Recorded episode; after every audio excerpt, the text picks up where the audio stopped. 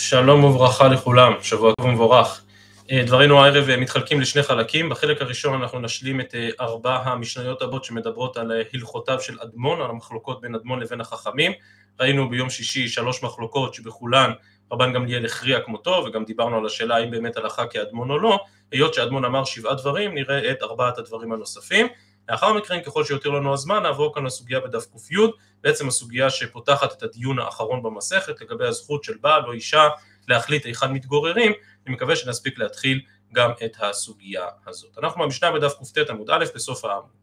אומרת המשנה, ארבע המחלוקות הבאות בין אדמון לבין החכמים, כולם לא בעניינים של מסכת כתובות, אלא בעניינים אחרים, מתוך שדיברנו על המחלוקות בין אדמון לחכמים, מביאים גם את הדיונים הללו. אומרת המשנה דף קט עמוד א', העורר על השדה, והוא חתום עליה בעד. מצב מאוד מוזר. ראובן רכש, רכש שדה משמעון. כדי שראובן יוכל לרכוש את השדה, היה צריך להביא עדים, לחתום על שטר המכר. אחד מן העדים הללו היה לוי, שחתם על שטר המכירה. ברגע שהמכירה הסתיימה וראובן מבקש לממש את בעלותו בשדה, בא לוי וטוען, לא, לא, לא, בעצם השדה הזאת גזולה, היא בכלל שדה שלי.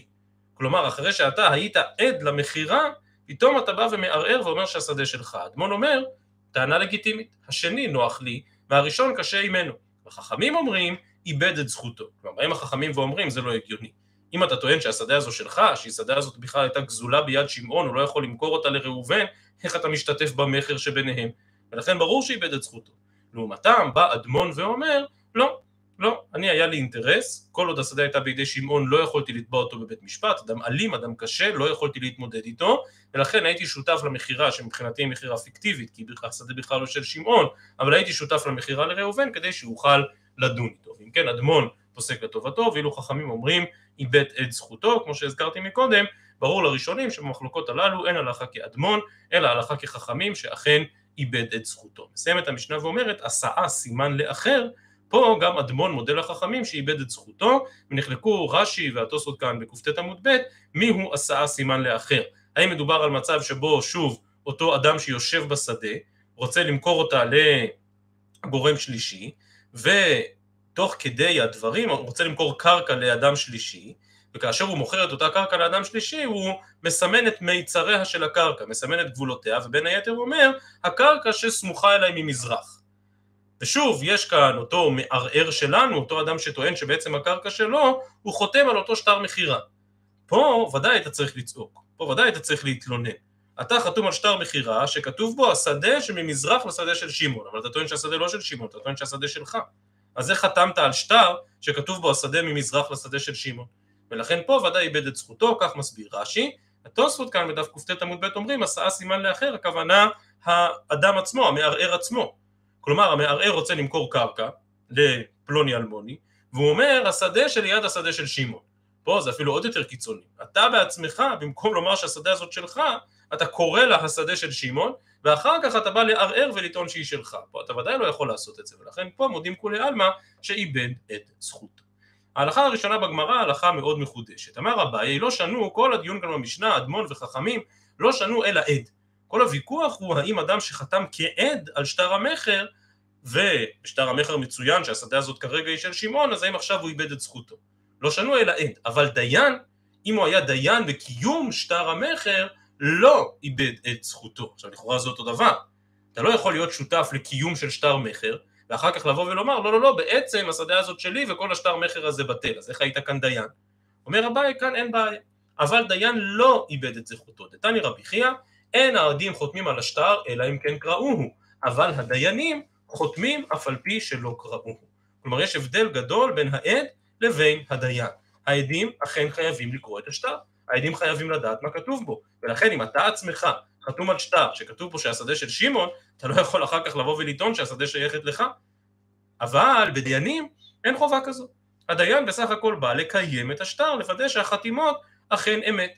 הדיין לא נדרש בשום שלב לבוא ולדעת מה בכלל כתוב בשטר ומה תוכן השטר. נחלקו כאן הראשונים עד כמה מרחיקת לכת הקביעה הזו, שהדיינים בכלל לא צריכים לדעת מה כתוב בשטר. לדעת חלק מן הראשונים, הדיינים לפחות צריכים לדעת מי בעלי הדבר, ולו רק כדי שנוודא שבעלי הדבר לא קרובים לדיינים. אבל יש בראשונים שחולקים גם על זה, וקובעים שהתפקיד של הבית דין הוא אכן טכני לחלוטין, השוואת חתימות, ורק בחתימות.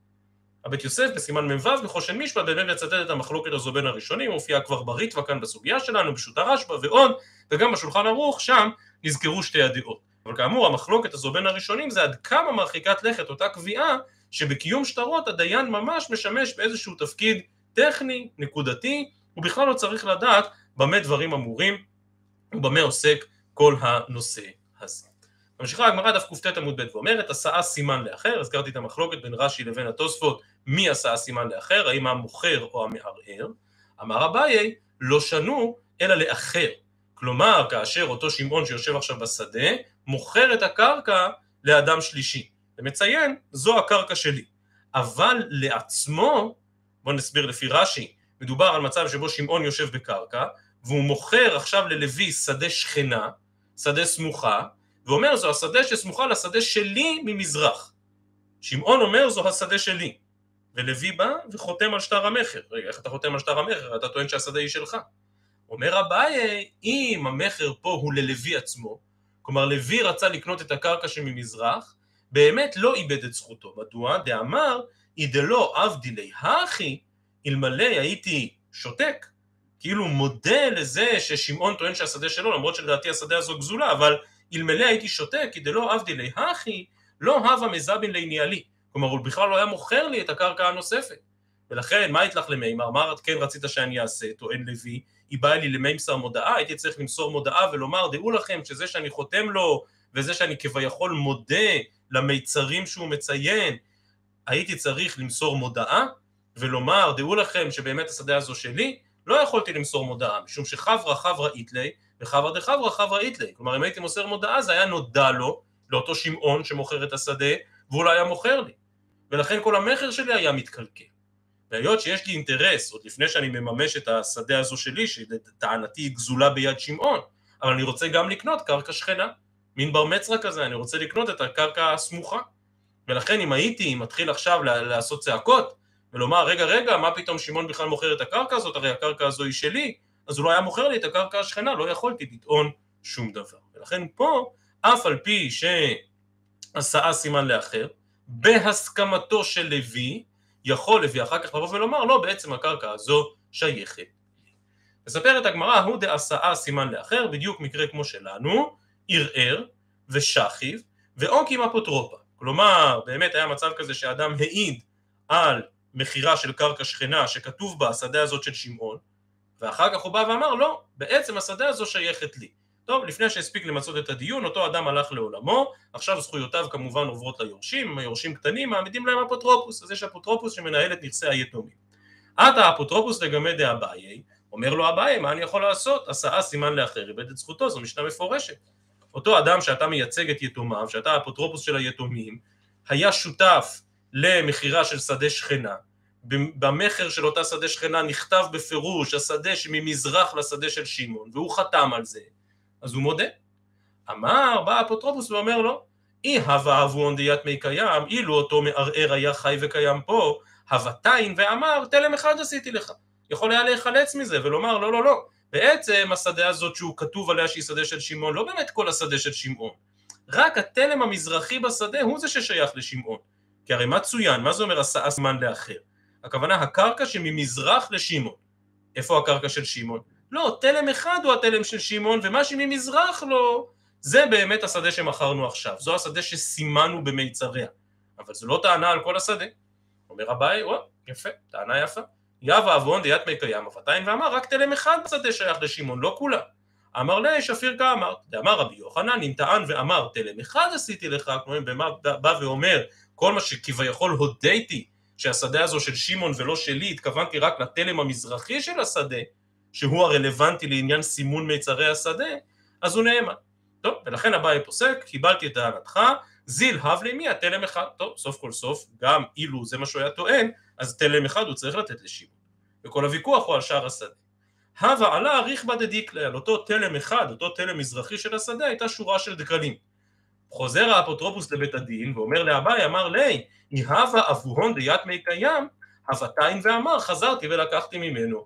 כלומר, נכון, הודיתי שהתלם המזרחי שייך לשמעון, אבל אחר כך קניתי את זה ממנו. טוב, זו כבר טענה הרבה יותר מחודשת, אביי אומר לו שפיר כאמרת, דאמר רבי יוחנן אם טען ואמר חזרתי ולקחתי ממנו נאמן. והתוספות כאן כמובן קופצים, זה כבר באמת טענה מאוד מחודשת, איפה מצאנו דבר כזה? שאדם מודה ששדה שייכת לשמעון, ואז הוא בא ואומר, אני קניתי את זה ממנו אז הוא נאמן. וזה בדיוק הפוך מכל דיני הראיות שאנחנו מכירים. אם אתה מודה שהשדה של שמעון ואתה עכשיו רוצה לטעון שקנית אותה ממנו, אז תוכיח את זה. ולכן התוספות מאוד מתלבטים, אולי זה קשור לעניין הפה שאסר או הפה שהתיר. כלומר, אני אמרתי שתלם אחד שייך לשמעון, ואני גם אמרתי שקניתי משמעון את אותו תלם אחד. אולי. אז על כל פנים התוספות כאן באמת דנים בנושא הזה, אבל אביי גם כאן מקבל את טענתו של האפוטרופוס, ואומר, בעצם רק תלם אחד היה שייך לשמעון, וגם את התלם הזה חזרת וקנית. מסכם אביי את התיק הזה בבית דין ואומר, אמר אביי, היי מאן דמוקים אפוטרופה, מי שמעמיד אפוטרופוס לנכסי יתומים, נוקים כי היי דידה להפוכי בזכות הדיאטמי. זה אפוטרופוס ראוי. כזה אפוטרופוסים, כאלה אפוטרופוסים אני מחפש בדרך כלל, שהם יודעים להפך בזכות היתומים, ובאמת להמציא טענות אפילו מתחת לאדמה, לטובתם של היתומים. ובאמת, גם הרמב"ם מתנסח באופן אה, אה, נחרץ בנושא הזה, הרמב"ם פרק י' על החוו בהלכות נחלות, כותב הרמב"ם, וכן אם מינה המוריש אפוטרופוס על הקטנים, קטן או אישה או עבד, הרשות בידו. כלומר, אם אותו אדם לפני שהלך לעולמו מינה אפוטרופוס, יכול למנות את מי שהוא רוצה. אבל, אומר הרמב"ם, אין בית דין ממנים אפוטרופוס, לא אישה ולא עבד ולא קטן ולא עם הארץ שהוא בחזקת חשוד על העבירות, אלא בודקים על אדם נאמן ואיש חיל ויודע להפך בזכות היתומים וטוען טענתם ושיש לו כוח בעסקי העולם כדי לשמור נכסים ולהרוויח בהם ואותו מעמידים על הקטנים. כלומר הרמב"ם באמת דורש כאן אדם נאמן, איש חיל, יודע להפך בזכות היתומים ומפרשי הרמב"ם באמת מציינים לסוגיה שלנו ולמסקנה של אביי מאותו מקרה בבית הדין. משנה הבאה בנושא אחר. זאת אומרת המשנה קט עמוד ב' מי שהלך למדינת הים ועבדה דרך שדהו. כלומר ברור שיש כאן שדה, אבל יש הרבה שדות מסביב, וכל אחד מבעלי השדות אומר אני לא רוצה שתעבור אצלי, זה שאתה עובר כאן, זה שאתה עושה כאן שביל, זה מקלקל לי את השדה. כלומר אין מחלוקת על זה שהשדה האמצעית היא שלך, אבל למה אתה רוצה לעבור? תעבור מדרך אחרת, לא דרכי. מי שהלך למדינת הים ועבדה דרך שדהו, אדמון אומר ילך לו בקצרה, כלומר סוף כל סוף הוא לא הגיע בחללית לתוך אותה שדה, ברור שהייתה לו דרך, ולכן בוחרים את הדרך הכי קצרה, הכי מינימליסטית, ונותנים לו. החכמים אומרים, סליחה, יקנה לו דרך במאה מנה, כלומר או שתשלם תבינו תקילין, ואפילו סכומים גדולים רק כדי לקנות לך דרך, או חללית, יפרח באוויר. אבל אני לא חייב לתת לך שביל בתוך הקרקע שלי, הקרקע היא שלך, בכבוד, אבל תמצא את הדרך שלך. אומרת הגמרא, מה הייתה מדי רבנן? הרי שפיר כאמר אדמון, איזה מין דבר זה, יקנה לו דרך במאה מנה, הרי אתם לא חולקים שהקרקע היא שלו, ואם הקרקע היא שלו אז ברור שהייתה לו דרך להגיע לשם, אז תיתנו לו את הדרך הכי קצרה, הכי מינימלית, אבל איזושהי דרך ודאי הייתה לו, שפיר כאמר אדמון, אמר רב יהודה אמר רב, כגון שהקיפו ארבעה בני אדם מארבע רוחותיה. כלומר שאפשר להגיע לשדה ששייכת לאותו אדם מכל אחד מארבע רוחות השמיים, אבל כל אחת שייכת למישהו אחר. ואז כל אחד מן השכנים שלו טוען לגביו, כן, הייתה לך דרך, אבל לא אצלי. תלך למישהו אחר. והמוציא מחברו עליו הראייה, אומרת הגמרא אי הכי, אז באמת מה הייתה עמדי אדמון? אז באמת כל אחד מהם יכול לטעון או שתשלם לי ותקנה ממני דרך, או שאני אומר לך שהדרך אצל אחד השכנים האחרים. אמר רבא אז באמת המחלוקת כאן יותר מצומצמת. בארבעה דעתו מכוח ארבעה וארבעה דעתו מכוח אחד, כולי עלמא לא פליגי דמצי מדחדי, הנה חינמי. באמת אם יש כאן, אם מראש היו כאן ארבעה שכנים שונים, ועכשיו ארבעה אנשים קנו מהם, או אפילו היה כאן רק שכן אחד, אבל ארבעה אנשים עכשיו קנו מאותו שכן אחד ועכשיו יש ארבעה שכנים, אז באמת כולי עלמא מודים שאפשר לדחות את אותו אדם, כי כל אחד מן השכנים אומר הדרך שלך לא אצלי, תלך למישהו אחר. כי פליגי כל המחלוקת בין אדמון לחכמים, בחד דעתי מכוח ארבעה. כלומר, היו ארבעה שכנים שונים, אבל עכשיו אדם אחד קנה את כל ארבע השדות השכנות, ואז אדמון סבר מכל מקום דרכא אית גבך. שוב, זאת הטענה שהגמרא מקודם אמרה, שפיר כאמר אדמון. כלומר בוודאי יש לי כאן דרך, והיא בוודאי נמצאת באחת השדות שלך, אז תן לי דרך הכי קצרה, אבל תן לי. רבנן סברי, היא שתקת, שתקת, כלומר אם אתה שותק, דהיינו משלם לי על הדרך בסדר, והיא לא, מהדרן השטרה למראיו, אני אחזיר את השטרות שקניתי את השדות לבעליהן, ואצל בעליהן לא, מצ... לא מצית להשתהו דינה בעדיו, כי אמרנו שאם מדובר על ארבעה שכנים שונים, אז הם בוודאי יכולים לדחות אותו.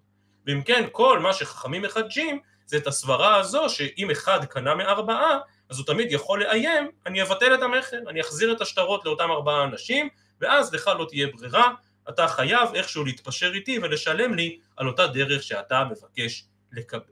מעניין לעניין מספרת הגמרא סיפור אחר בדיני ירושה בהקשר הזה. ההוא דאמר להו דיקלה לברת, כלומר אדם לפני מותו, כמובן מי שירש אותו זה בניו ולא בנותיו, אבל הוא אומר דקל אחד מנכסיי אני מבקש לתת לבת שלי.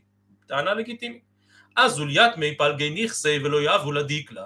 באו הבנים, חילקו את הנכסים ולא קיימו את הצוואה של אבא, ולא נתנו דקל אחד לבת.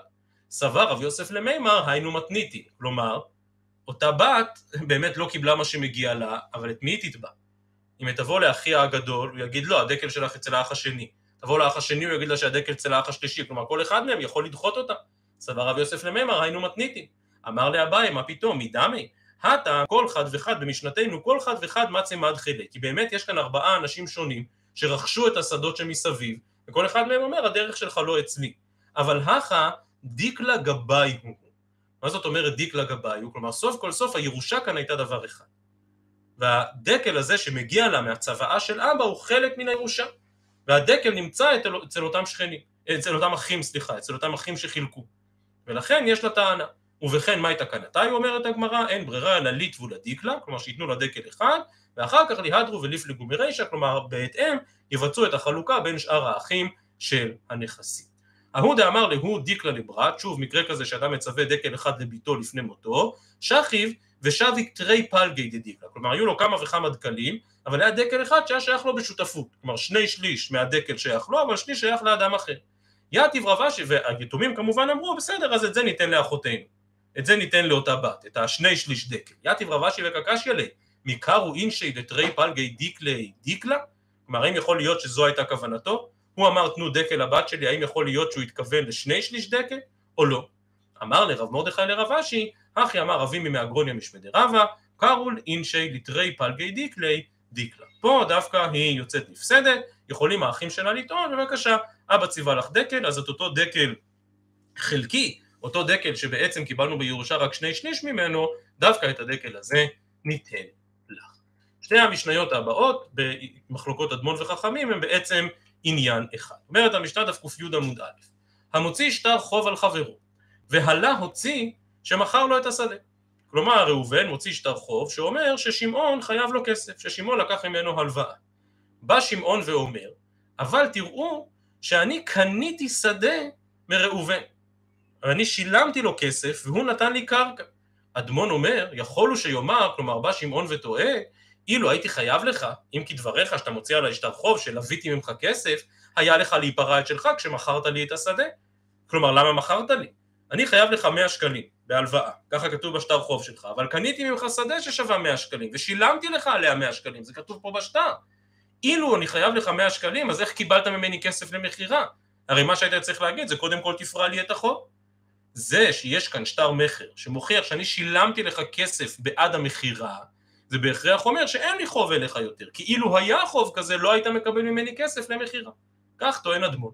יכול להיות שיאמר, אילו הייתי חייב לך, היה לך להיפרע את שלך כשמכרת לי את השדה. החכמים אומרים לו, זה, כלומר אותו מלווה שהוא גם מוכר, היה פיקח שמכר לו את הקרקע מפני שהוא יכול למשכנו. כלומר הוא מוכר לו את הקרקע, מקבל כסף תמורת הקרקע, ואז הוא יכול לחזור ולגבות את אותה קרקע ולמשכן אותו. אומרת הגמרא שוב, מה הייתה מה דרבנן? הרי שפיר כאמר אדמון, באמת הטענה של אדמון מאוד, מאוד הגיונית. איך יכול להיות שקיבלת ממנו כסף בעד מכירה, כאשר אתה טוען שהוא חייב לך כסף בעד הלוואה, אז קודם כל היה לך לפרוע את ההלוואה. אומרת הגמרא, באתרא דיהה ויזוזי והדר כת וישתרא, שקודם כל משלמים ורק אחר כך כותבים את שטר המכר, באמת כולי עלמא לא פליגי, דמצי אמר לי היה לך לפרוע את שלך כשמכרת לי את השדה, בדיוק כמו שטוען אדמון. כלומר אם קודם כל המוכר, הקונה צריך לשלם את הכסף, אז היה צריך המלווה לבוא ולומר רגע רגע, הכסף ששילמת לי עכשיו זה פירעון ההלוואה, לפני שמדברים. כי בלי גיא באתרא דקת וישתרא, קודם כל כותבים את שטר המכר, ורק אחר כך יאה וזוזי. אדמון סבר איבן לממסר מודעה. כלומר, אתה המוכר היית צריך למסור מודעה, שאומרת, דעו לכם שאני עכשיו מוכר לו שדה, אבל בעצם יש לי גם חוב עליו. ורבנן סברי, הסיבה שלא מסרתי מודעה זה, כמו שראינו מקודם, חברה חבראית לי וחברא דחברא חבראית לי. כלומר, אם הייתי מוסר מודעה, אז הוא לא היה מסכים לקנות ממני את השדה. ואם הוא לא היה מסכים לקנות ממני את השדה, אז בחיים לא הייתי מצליח לגבות ממנו את החוב שהוא אכן חייב. גם כאן הראשונים פוסקים כדעת החכמים ולא כמו אדמון, כלומר שהמוכר המלווה הזה באמת היה פיקח, קיבל כסף בעד המכירה ועכשיו הוא יוכל לגבות את חוב. המשנה הבאה מדברת על מקרה דומה, לא בשטר חוב ובמכר, אלא בשני שטרי חוב. אומרת המשנה, שניים שהוציאו שטר חוב, זה על זה. כלומר, ראובן מוציא שטר חוב שמוכיח ששמעון חייב לו, ואז בא שמעון ואומר, הנה, אבל לי יש שטר חוב שאומר שראובן חייב לי בכלל. שניים שהוציאו שטר חוב זה על זה. אדמון אומר, אילו הייתי חייב לך, כיצד אתה לווה ממני? כלומר, בא שמעון ואומר, איך יכול להיות שאני חייב לך כסף? הרי יש שטר חוב שאומר שאתה לקחת ממני הלוואה לאחר מכן. לא יכול להיות שאם אני חייב לך כסף, היית לוקח ממני הלוואה. אם אתה לוקח ממני הלוואה, בהכרח אומר שאת החוב שלך אני כבר פרעתי, ועכשיו התהפך עלינו הגלגל, ועכשיו אתה זה שזקוק לכסף ואתה לקחת הלוואה ממני, לא יכול להיות שמישהו ייקח ממני הלוואה כשאני בכלל חייב לו כסף. והחכמים אומרים, זה גובה שטר חובו וזה גובה שטר חובו, למה? מי אמר? זה גובה וזה גובה. כתוב בשטר שראובן חייב לשמעון, ששמעון ישלם לראובן, וכתוב ששמעון חייב לראובן וכולי. זה גובה שטר חובו וזה גובה שטר חובו, כך דעת החכמים. לגבי עצם הטענה, האם באמת יכול להיות שאדם ייקח הלוואה ממישהו שהוא בכלל חייב לו כסף, הגמרא תברר את זה תוך כדי דיון, אבל בעצם מוקד הדיון כאן בגמרא הוא להסביר את המשפט הזה של החכמים, זה גובה שטר חובו וזה גובה שטר חובו. האומנם? האומנם הכוונה זה שראובן אז צריך לשלם לשמעון ושמעון צריך לשלם לראובן, הרי זה לא נשמע כל כך סביר, למה לעשות דבר כזה? ובאמת נחלקו המוראים. אומרת הגמרא איתמר, שניים שהוציאו שטר חוב זה על זה. כלומר כתוב שיש שטר חוב שאומר שראובן חייב לשמעון, ועוד שטר חוב שאומר ששמעון חייב לראובן. רב נחמן אמר, אז נעשה מה שכתוב בשטרות, זה גובה וזה גובה. רב ששת אמר, היפוכי מטרת למה לי? היפוכי מטרת הכוונה עסקים שמאזנים את הבהמה כאשר היא הולכת. אז אם הם לא מאוזנים, צריך איכשהו שיהיה שיווי משקל. אבל אם הם מאוזנים ויש שיווי משקל, אז מה זה יעזור לך להחליף אותם מצד לצד? היפוכי מטרת למה לי? אלא, זה עומד בשלו, וזה עומד בשלו. כלומר, אין הכוונה שכל אחד גובה, אלא הכוונה שהחובות, מה שקוראים בלשוננו, מתקזזים. החובות מקזזים אחד את השני. אז זו המחלוקת בין רב נחמן לבין רב ששת. אומרת הגמרא, היות שהסברה של רב ששת כל כך פשוטה וברורה, לא יכול להיות שרב נחמן חולק על זה. ולכן אומרת הגמרא, דכולי עלמא, עידית ועידית, בינונית ובינונית, זיבורית וזיבורית. כלומר, אם לשני האנשים יש קרקעות באותה מידה, עידית, בינונית או זיבורית, ברור שרב נחמן מודה לרב ששת. ודאי היפוך עם מטרת, מה, מה ההיגיון שהוא יגבה את הקרקע והוא יגבה את אותה קרקע עצמה, בשביל מה? כי פליגי, כל המחלוקת, דאית לי לחד בינונית ולחד זיבורית. כלומר לראובן יש קרקע איכותית יותר, קרקע בינונית, ואז בא שמעון ואומר אתה חייב לי כסף, יש פה שטר, אני גובה ממך את הבינוני, ולעומת זאת ראובן אומר, לשמעון יש רק זיבורית, אז ראובן יבוא ויגבה את הזיבורית. ואז רב נחמן אומר, בזכות ההיפוך הזה, שמעון מרוויח, כי עכשיו לראובן בינונית ולשמעון זיבורית, וכשהם יגבו כל אחד מהשני, אז הקרקעות תתחלפנה. אלא שבשביל זה צריך לקבל הנחה בענייני גבייה, רב נחמן סבר, זה גובה וזה גובה, כסבר, בשלו הן שמין.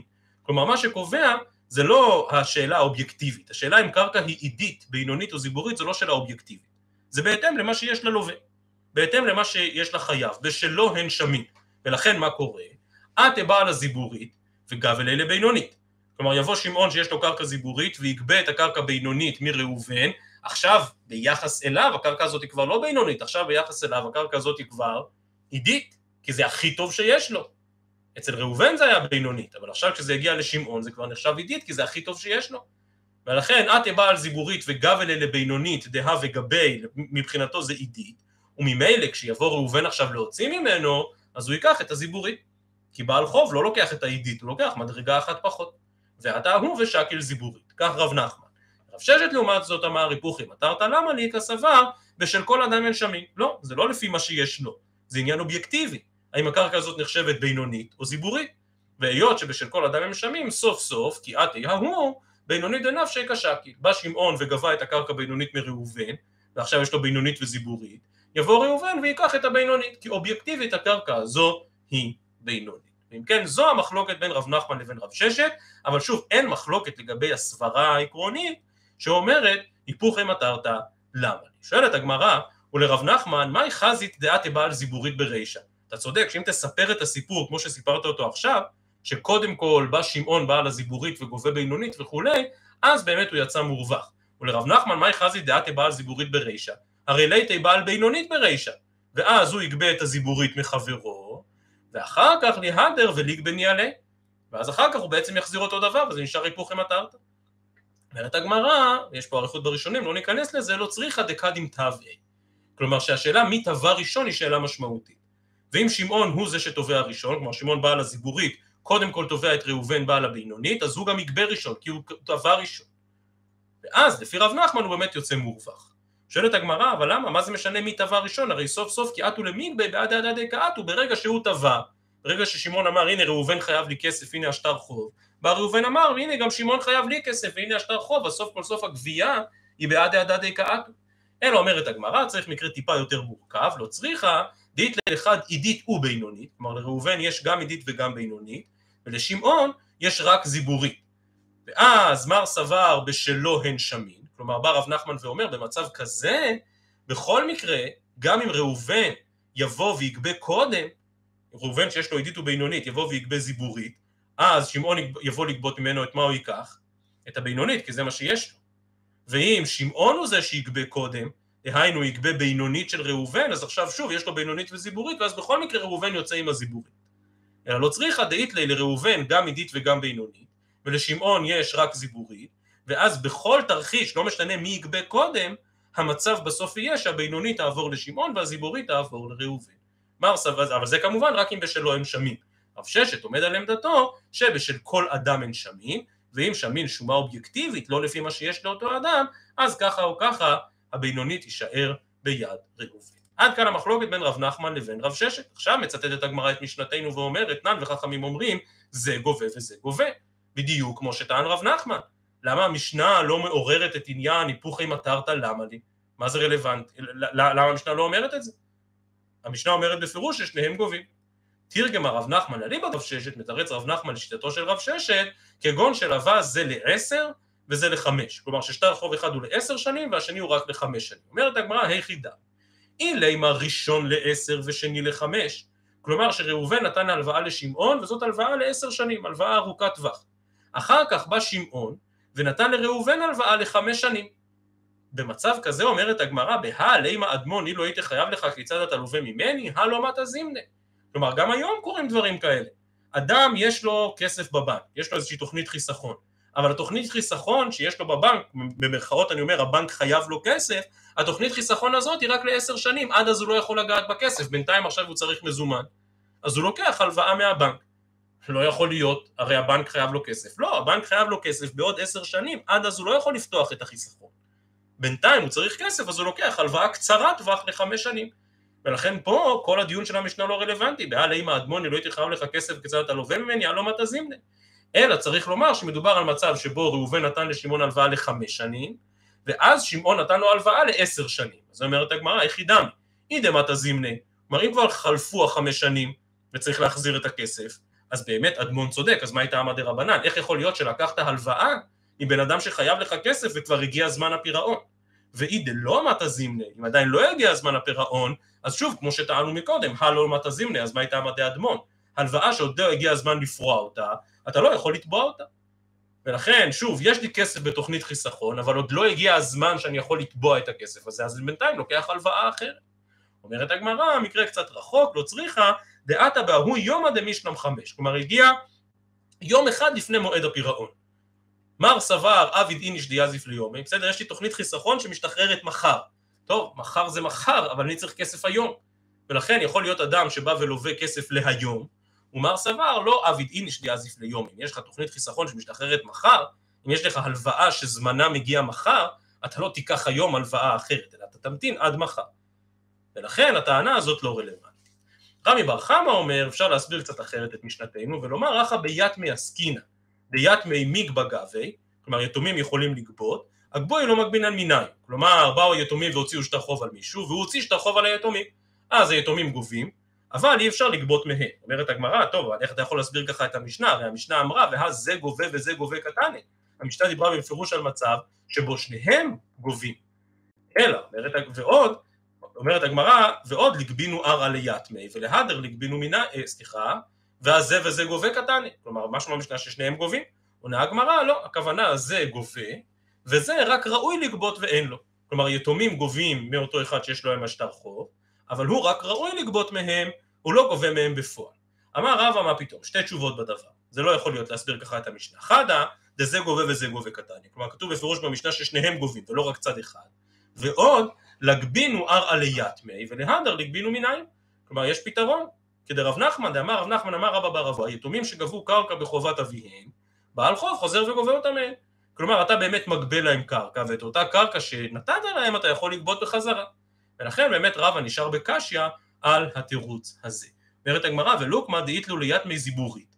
כלומר אולי ליתומים יש קרקע זיבורית ואית לדידי לאותו אחד שחייב להם עידית ובינונית ואז אז ליית מי גב ובינונית כדינו של בעל חוב אבל מי שיבוא לגבות מהיתומים תמיד ייקח רק זיבורית. דינמי ושל כל העניין הנשמים גם אם נאמר שמה שקובע זה העניין האובייקטיבי ולא כל אדם לפי נכסיו הרי בכל מקרה אין נפרעים מנכסי יתומים אלא מזיבורית. כלומר מיתומים תמיד גובים זיבורית ואז היתומים יצאו מורווחים. כי הם ייקחו בינונית ויצטרכו להחזיר זיבורית. אומרת הגמרא, הדין הזה שמיתומים גובים זיבורית, הנמילה איכא דלא תפס. כלומר כשהבעל חוב עוד לא תפס קרקע אחרת, אבל איכא דתפס תפס, וכאן אצלנו כמובן תפס. כי מדובר על מצב שבו אותו אדם שחייב כסף ליתומים, מחזיק עידית ובינונית. עכשיו הוא אומר, רגע, מה אתם רוצים? לגבות ממני את הבינונית ואני אצטרך לקחת מהיתומים זיבורית, אבל אני עכשיו כבר מוחזק בבינונית. ולכן הדין הזה שמנכסי יתומים גובים רק זיבורית, הוא נכון, אלא אם כן כבר תפסו נכס יותר איכותי. אלא אם כן כבר תפסו, תפסו נכס שווה יותר, שזה בעצם בדיוק מה שקורה במקרה שלה. עד כאן מחצית ראשונה של דברינו להערב, כאמור השלמנו את הסוגיות של אדמון וחכמים, ומכאן רק נתחיל, ניקח עוד כמה דקות רק כדי להתחיל את הסוגיה האחרונה במסכת, סוגיה שעוסקת בשאלת קביעת המקום לנישואין. מסכת שלמה, מסכת כתובות, עסקה בענייני נישואין, ועכשיו בסימן טוב ובמזל טוב, אחרי שהתחתנו, צריך להחליט היכן מתגוררים.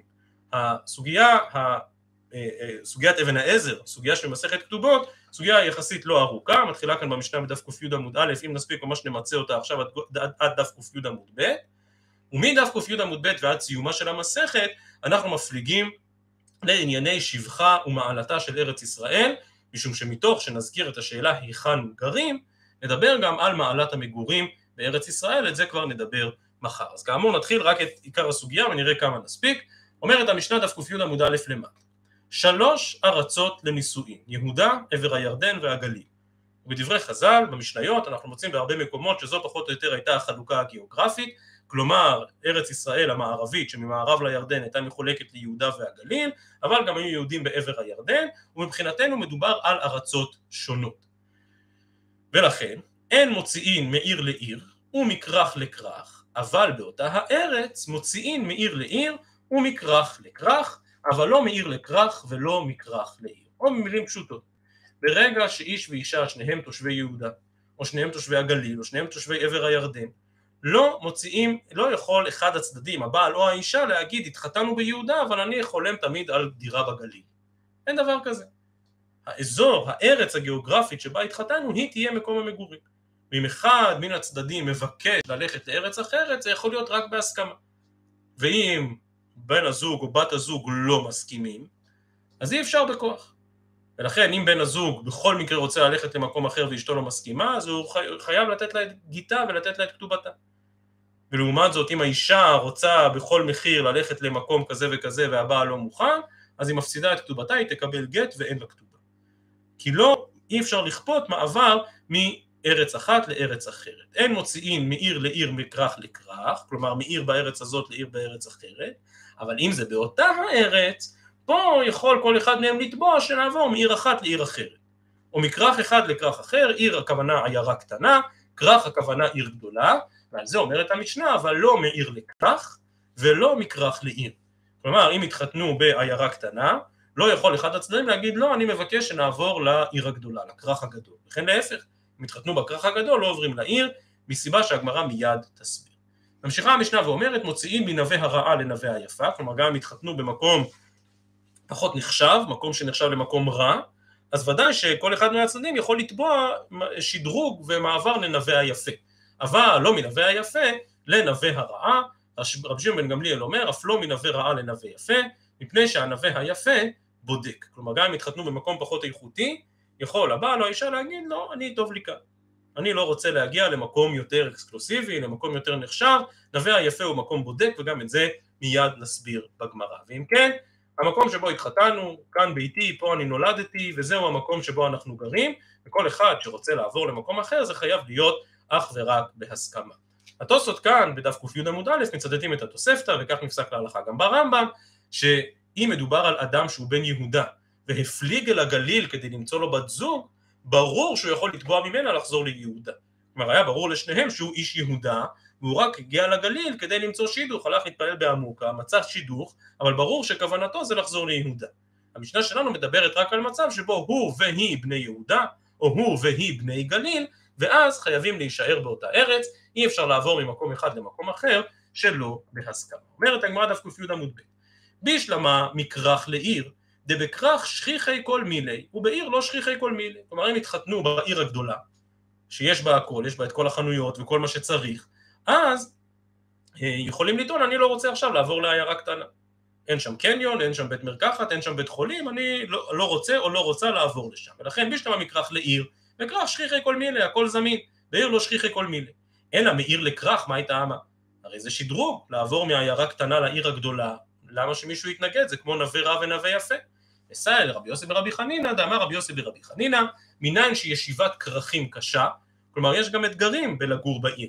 שנאמר בספר נחמיה, ויברכו העם לכל האנשים המתנדבים לשבת בירושלים. יש הרבה אנשים שאכן יש לך כל מה שאתה צריך בירושלים או בעיר גדולה אחרת, אבל גם השעון והשאון של העיר, העיר הסואנת, זה יותר מדי בשבילם. הם מעדיפים את השקט הכפרי, את השקט של העיירה, ולכן שוב, כל אדם לפי מה שהוא אדם. זה מתאים לו עיר, זה מתאים לו כרך, ואי אפשר לכפות כך או אחרת. אם מדובר באופן מובהק על נווה רע ונווה יפה, אז אפשר לכפות, רשב"ג אומר, הלכה כמותו, שגם בזה אי אפשר לכפות, כי נווה היפה בודק. אומרת הגמרא, מה היא בודק? כדי שמואל, ואמר שמואל, שינוי וסת תחילת חולי מעין.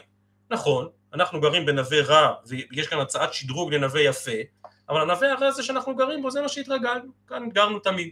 שינויים זה תמיד דבר קשה, אחת כמה וכמה מעבר דירה.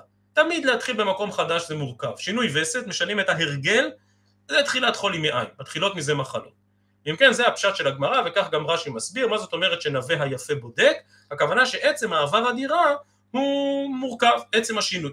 הרמב"ם מסביר אחרת, הרמב"ם אומר שכאשר עוברים מנווה רע לנווה יפה, אז מדובר, נווה יפה זה כנראה מקום אריסטוקרטי, מקום נחשב של גדולים וחשובים, ולכן עכשיו צריך להתחיל להתנהג בהתאם. ויש אנשים שעבורם זה אתגר גדול מדי. אני התרגלתי לחיות בפשטות של הנווה הרע, אני לא רוצה עכשיו ללכת ולגור בנווה היפה. אז כל ההלכות הללו שבסוגיה שלנו באמת אה, הובאו ככתבן, כלשונן, גם ברמב"ם, גם בשולחן ערוך בסימן העיני באבן העזר. אה, אנחנו כמובן לא מכירים את החלוקה של עבר הירדן, יהודה, גליל, אבל הרמ"א פוסק שהוא הדין בכל שלוש ארצות, ומה שהשולחן ערוך כותב שזה אותו דבר, זה אותו דין בכל שלוש ארצות, הרמ"א שם בסימן העיני בסעיף א' מוסיף שהכוונה לארצות שחלוקות בלשונן. כלומר מה נחשב ארץ אחרת? מקום שאני בכלל לא מדבר את השפה. הבעל או האישה לא מדברים את השפה. וזה כבר נחשב למעבר שהוא מעבר לא לגיטימי. אבל כבר הפוסקים הראשונים התחבטו מאוד בנקודה הזאת, אמנם זה מה שקובע? מה הדין כאשר יש שינוי במלכות, מה שהיה קרוי בלשונם. כלומר, גיאוגרפית זה ארץ אחרת, זה שלטון אחר, זה דרכון זר, אבל הלשון היא אותה לשון. כן, רוצים לעבור מארצות הברית לאנגליה, ושניהם מדברים אנגלית, אז הלשון היא אותה לשון, אבל התרבות היא ודאי תרבות שונה לחלוטין. אז האם זה נחשב שינוי או לא? אז הפתחי תשובה שם באבן העזר בסימן העיני מדבר על מקרים שונים, כאשר היו אנשים שלא כל כך הצליחו להסתדר, אדם סיכם עם אשתו בתנאים, בכתובה, שיגורו ליד ההורים שלה, אבל אחר כך התברר שלא יודע, המגורים שם זה, זה אזור כזה שגורם לו אה, בעיות בריאותיות משמעותיות, האוויר שם לא טוב לו וכולי, כלומר מתי אפשר או אי אפשר לעקור ממקום אחד למקום אחר, שם בדברי הפוסקים לדורותיהם, כמו שאפשר לראות למשל בפתחי תשובה, היו לא מעט דוגמאות לעניינים הללו. מסיימת הגמרא ואומרת, כתוב בספר בן סירה, כל ימי עני רעים. טוב, האמת שהפסוק הזה כתוב לא רק בספר בן סירה, הוא כתוב גם בפרק ט"ו ממשלי, הסיומת של הפסוק כתובה באמת רק בבן סירה, אבל שואלת הגמרא על משלי, על בן סירה, והאיכא שבתות וימים טובים. איך אתה יכול להגיד שכל ימי הנראים, לפחות בשבת, יש לו נייחה?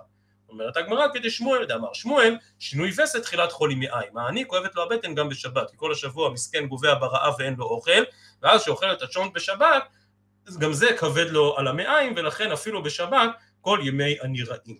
החידוש בבן סירה שלא כתוב שם במשלי, זה כל ימי הנראים ואפילו הלילות שלא רעים. מדוע? כי בשפל גגים גגו, ובמרום הרים קרנו. ממתר גגים לגגו, כלומר הבית שלו נמצא במקום הכי נמוך שכל ההצפות פוגעות בו, ולעומת זאת הכרם שלו נמצא במקום הכי גבוה, ולכן כאשר השיטפונות מגיעים, אז העפר המשובח, הקרקע הרוויה בגשמים, נסחפת מן הכרם שלו לכרמם של אחרים. ולכן אפילו בלילה, שהוא בסך הכל ישן על מיטתו, עדיין כל ימי העני רעים, כי הוא מפסיד יותר. ממשיכה המשנה ואומרת, אחרי שדיברנו באופן כללי על ארצות, אומרת המשנה שלנו, האחרונה במסכת, לדבר על שבח ירושלים וארץ ישראל. אומרת המשנה דף ק"י עמוד ב', הכל מעלין לארץ ישראל ואין הכל מוציאים. כלומר, תביעה לעלות לארץ ישראל היא מעל לכל מה שראינו במשנה הקודמת. לא יוצאים מארץ לארץ, שינוי שפה, שינוי תרבות, שינוי מקום, חוץ מארץ ישראל. בין שרצה האיש, בין שרצתה האישה לעלות לארץ ישראל, רשאים לתבוע את זה, וכן להפך. אם רצו אחד מהם לרדת מהארץ, אין הכל מוציאים. ואותו דבר הכל מעלים לירושלים, ואין הכל מוציאים, אחד האנשים ואחד הנשים. ממשיכה המשנה ואומרת, נשא אישה בארץ ישראל וגירשה בארץ ישראל, נותן לה ממעות ארץ ישראל. ברור שאם הוא נשא אותה בארץ ישראל, התחייב לה לכתובה, בש... לכתובה בשקלים, ולכן אם, הוא... אם הם מתגרשים צריך לשלם לה את הכתובה בשקלים. מה קורה אם הוא נשא אישה בארץ ישראל וגירשה בכפות קיאה? שם משלמים בדולרים, שם לא משלמים בשקלים. אז שווי הכתובה הוא שווי הכתובה, אבל עכשיו צריך לשלם לה בשקלים או בדולרים? אומרת המשנה נותן לה ממעות ארץ ישראל, כי שם הם התחתנו. נשא אישה בכפות קיאה, שמשלמים בדולרים, וגירשה בארץ ישראל, נותן לה ממעות ארץ ישראל. כלומר הולכים אחרי מקום הגירושין, ולא אחרי מקום ההתחייבות. רב שמעון גמליאל אומר, מה פתאום, זה לא סימטרי כמו שהגמרא מיד תסביר, ולכן נותן לה ממעות כפות קיאה. כלומר, תמיד הולכים אחרי המקום שבו התחתנו. אם התחתנו במקום שמשלמים בשקלים, אז הכתובה היא בשקלים. אם התחתנו במקום שמשלמים בדולרים, אז הכתובה היא בדולרים. נשא אישה וגירשה בכפות קיאה, כמובן פה אין מחלוקת שנותן לה ממעות כפות קיאה, כלומר שמשלם לה בדולר. אומרת הגמרא הכל מעלים, לעיתויי מים. כלומר, מה הפשר הלשון הכל? אומרת הגמרא לעיתויי עבדים. כלומר, אפילו אם יש לאדם עבד עברי והוא נמצא בחוץ לארץ והעבד לא רוצה לבוא איתו לארץ ישראל, יכול לכפות את העבד לבוא יחד איתו. ולמאן דתני עבדים בהדיא, כלומר היה גרסה של המשנה שכתוב בפירוש, הכל מעלים לארץ ישראל כולל גם עבדים לעיתויי מאי, אז החידוש פה לעיתוי מנווה היפה לנווה הרע. כלומר גם אם גרים בחוץ לארץ בנווה יפה, או גרים ברחבי ארץ ישראל בנווה יפה, אפשר לדרוש עלייה לארץ ישראל או לדרוש עלייה לירושלים, אפילו לנווה רע. ואין הכל מוציאים לעיתויי מאי, לעיתוי עבד שברח מחוץ על הארץ לארץ. דאמרין עלי, כלומר אומרים לאדוניו שבחוץ לארץ שמבקש מהעבד לחזור, כאן מדובר על עבד כנעני כמובן, זה בני הכה וזיל. אתה חייב למכור אותו כאן בארץ ישראל, משום ישיבת ארץ ישראל. הכל מעלים לירושלים לעיתויי מאי, שוב לעיתוי מנווה היפה לנווה רע. בין הכל מוציאים לעיתויי מאי, לעיתוי אפילו מנווה רע לנווה יפה, ועד דתנא רישא אין מוציאים, תנא סיפא נמי אין מוציאים. התוספות מתלבטים לגבי הנושא של עבד, ואומרים שיכול להיות שלגבי עבד יש פחות עניין שיהיה בירושלים. עבד ברח לירושלים, לא בטוח שאנחנו רוצים שישחררו אותו בירושלים, כי ירושלים אמורה להיות מקום של מעלת היחס, ולא מקומם של עבדים. הברייתא מסבירה, תנו רבנן, הוא אומר לעלות, והיא אומרת שלא לעלות, כופין אותו לעלות, ואם לאו, כופין אותה לעלות, סליחה, ואם לאו תצא בלא כתובה. כלומר, תמיד מכריעים לטובתו של זה שרוצה לעלות לארץ ישראל, ואם היא לא מוכנה, בבקשה, הפסידה את כתובתה. וכן להפך, היא אומרת לעלות לארץ ישראל, והוא אומר שלא לעלות, אז כופין אותו לעלות, ואם לאו, אז הוא חייב לגרש אותה ולתת את כתובתה. וכן להפך, היא אומרת לצאת, והוא אומר שלא לצאת, כופין אותה שלא לצאת, נשארים בארץ, ואם לאו, היא מתבקשת לרדת לחו"ל, אז תצא בלא כתובה. הוא אומר לצאת, לרדת לחו"ל, והיא אומרת שלא לצאת, כופין אותו שלא לצאת, ואם לאו יוציא וייתן כתובה, כפי שהסברנו. נסיים בעוד קטע אחד, רק כדי להסביר את עניין ארץ ישראל וכפות קיאה, אה, ולאחר מכן, אה, ואת המשך הגמרא בעזרת השם נראה מחר. כן אומרת הגמרא, שאם הוא נשא אישה בארץ ישראל וגירשה בכפות קיאה, נותן לה ממעות ארץ ישראל, כי שם הם התחתנו. אבל אם נשא אישה בכפות קיאה וגירשה בארץ ישראל, נותן לה עוד פעם כמעות ארץ ישראל, שהם המעות הפחות טובים. אומרת הגמרא, הגוף הקשיא. קטניה נשא אישה בארץ ישראל וגירשה בכפות קיאה, נותן לה ממעות ארץ ישראל, עלמא בתר שיעבוד אז דינא. כלומר, מה שקובע זה המקום שהם התחתנו, המקום שבו חל שיעבוד הכתובה. אז אם הסיפא נשא אישה בכפות קיאה וגירשה בארץ ישראל, נותן לה ממעות ארץ ישראל. עלמא בתר גובה אז דינא, מה שקובע זה המקום שבו היא גובה את הכתובה ולא מקום השיעבוד. אמר רבא, מכולי כתובה שנו כאן, כסבר כתובה דרבנן. אינא חינמי. במצב רגיל, באדם רגיל שנושא אישה, או, או סליחה, הפוך, בבעל חוב רגיל, מה שקובע זה השיעבוד, לא הגוביינה. מה שהתחייב לו בשטר, מה שכתוב בפירוש בשטר, כמו שיוזכר מיד בגמרא, זה מה שקובע. אלא שבכתובה הקל. שתמיד הולכים על המטבע הפחות איכותי, המטבע הפחות נחשב, על השקל ולא על הדולר, כי כתובה היא רק מדי רבנן. ורבן שמעון בן גמליאל אומר שבאמת נותן לה ממעות קפוטקיה במקרה השני, כלומר שתמיד הולכים אחרי השיעבוד ולא אחרי הגוביינה, באמת כסבר שכתובה דאורייתא. אז הסוגיה הזו, ממש כמעט סיימנו את המסכת, אבל אם אתם זוכרים כבר שלמדנו את הסוגיה בדף י', אנחנו עכשיו בדף ק', לפני 100 דף, כאשר למדנו את הסוגיה בדף י', אז שלחתי דף על הנושא הזה של אה, כתובה דאורייתא או דרבנן, והזכרנו את דברי הרמב"ן כאן בסוגיה שלנו בדף ק', הרמב"ן מעריך הרבה בעניינים הללו של כתובה דאורייתא או דרבנן, שיטתו העקרונית של הרמב"ן זה שאפילו לדעת רשב"ג כתובה לא ממש דאורייתא, זה רק איזושהי אסמכתא מדרבנן, הרמב"ן, המורדכי כאן, יותר מפורש בחתן סופר שם בדף י', מדברים על זה שאולי בעצם כתובה מדאורייתא אבל נמסר הדבר לחכמים כמה היא שווה, על כל פנים הזכרנו שם את המחלוקת הגדולה אם כתובה דאורייתא או דרבנן, את שיטתו המיוחדת של הרמב"ם ואת ההסבר של הרב ליכטנשטיין חוב וחובה, אמנם עברו מהדף אבל אני מקווה שאנשים זוכרים, ואם לא זוכרים אז ברוך השם שיש לנו הקלטות וסרטונים והדפים שמורים ומי שרוצה יוכל לדפדף אחורה ולהיזכר. אני רק אומר שהרמב"ן כאן בסוגיה שלנו בדף ק"י עמוד ב', רמב"ן חשוב ויסודי בסוגיה הזו של כתובה דאורייתא או דרבנן. אז כאמור זה לגבי כתובה, שיש צד לומר שבגלל שכתובה היא מדרבנן אז חידשו בה כל מיני קולות, דהיינו שתמיד הולכים על השער הנמוך. הגמרא בית עוברת לשטר חוב רגיל, תנו רבנן, המוציא שטר חוב על חברו. כתוב בו בבל, כלומר שההלוואה הייתה, השעבוד היה בבבל, מטבע ממאות בבל, כתוב בו ארץ ישראל, מטבע ממאות ארץ ישראל. כאמור, הזמן השעבוד זה מה שקובע. אם כתוב בו סתם, כלומר לא כתוב אם החוב הוא בשקלים או בדולרים, אז אם הוציאו בבבל מטבע ממעות בבל, הוציאו בארץ ישראל מטבע ממעות ארץ ישראל. וכן אם כתוב בו כסף סתם, חייב לו 100 כסף, כסף מה? מטבעות כסף, מטילי כסף, עיגולי כסף, כתוב בו כסף סתם, מה שירצה לווה מגבהו, כמובן המוציא מחברו עליו הראייה, והלווה רשאי לתת כסף, אבל הדבר הכי מינימלי של כסף. אומרת, מסיימת הברייתא ואומרת מה שאין כן בכתובה. אומרת הגמרא אהיה, איזו הלכה איננה בכתובה? אמר רב משרשיה, הרישא לאפוקי מדי רשב"ג דאמר כתובה דאורייתא. כלומר, ברישא אמרנו שתמיד הולכים אחרי מקום השיעבוד, לפי רשב"ג זה נכון גם בכתובה, כי כתובה דאורייתא, ולכן גם בכתובה מה שקובע זה מקום השיעבוד. לעומת זאת, אנחנו חולקים על רשב"ג, ולכן מה שקובע זה בכתובה הקלו שתמיד הולכים אחרי השער הנמוך. כתוב בו כסף סתם מה שירצה לווה מגבהו, והאם הנסחה? טוב, אז זה מחלוקת בין הראשונים, האם נסחה, מטילי כסף, זה שווה יותר ממטבעות או פחות ממטבעות? פשט הגמרא זה שוודאי שזה שווה פחות, ולכן אולי הלווה יכול לתת לו אפילו נסחה. אמר רבי אלעזר דכתיב במטבע, כלומר שסוף כל סוף כן כתוב כאן מטבע, אז אני לא יודע מה גודל מטבע הכסף, אבל זה ודאי מטבע ולא נסחה. ואם הפריטי, כלומר פרוטות של נחושת, אמר רב פאפא פריטי דחספא לא עבדי אינשא, אנשים לא עושים פרוטות מכסף, אלא אך ורק מנחושת, ולכן לא יכול להיות שזו הכוונה, עדיין כן יכול הלווה לתת לו את הדבר המינימלי ביותר. אז אני יודע שקצת התקדמתי היום מהר, וכל זה היה כדי שמחר בעזרת השם נוכל להתחיל כאן מן הברייתא בדף ק"י עמוד ב' ולהקדיש את שלושת הימים שנותרו לנו עד לסיום מסכת כתובות, להרחיב קצת יותר בסוגיות הללו של המגורים בארץ ישראל. אז את המשנה שלנו הצגתי כפשוטה, שהכל מעלים לארץ ישראל ואין הכל מוציאים, האם ההלכה הזו נוהגת בזמן הזה? יש תוספות קצר אבל מדהים לחלוטין, כאן לפנינו בדף ק"י עמוד ב', אה, ועוד נדבר עליו בימים הקרובים, על הגישות המנוגדות בין החיבה האדירה של ארץ ישראל, בין אלה שהיו מנשקים את עפרה ואת רגביה, לבין כל מיני תפיסות שהתפתחו בשנות גלות, שאומרות אדרבה, ארץ ישראל זה משהו שאנחנו יראים מפניו, חוששים מפניו, לא רוצים לעלות לארץ ישראל, ובאמת הסוגיות הללו הן סוגיות מרתקות באופן מיוחד, אה, והן בעזרת השם יעסיקו אותנו בתחילת השבוע הבא עלינו לטובה, מכאן אה, ועד ליום שלישי, כאשר נקיים סיום על מסכת כתובות. שבוע טוב, בשורות טובות וחורף טוב לכולם.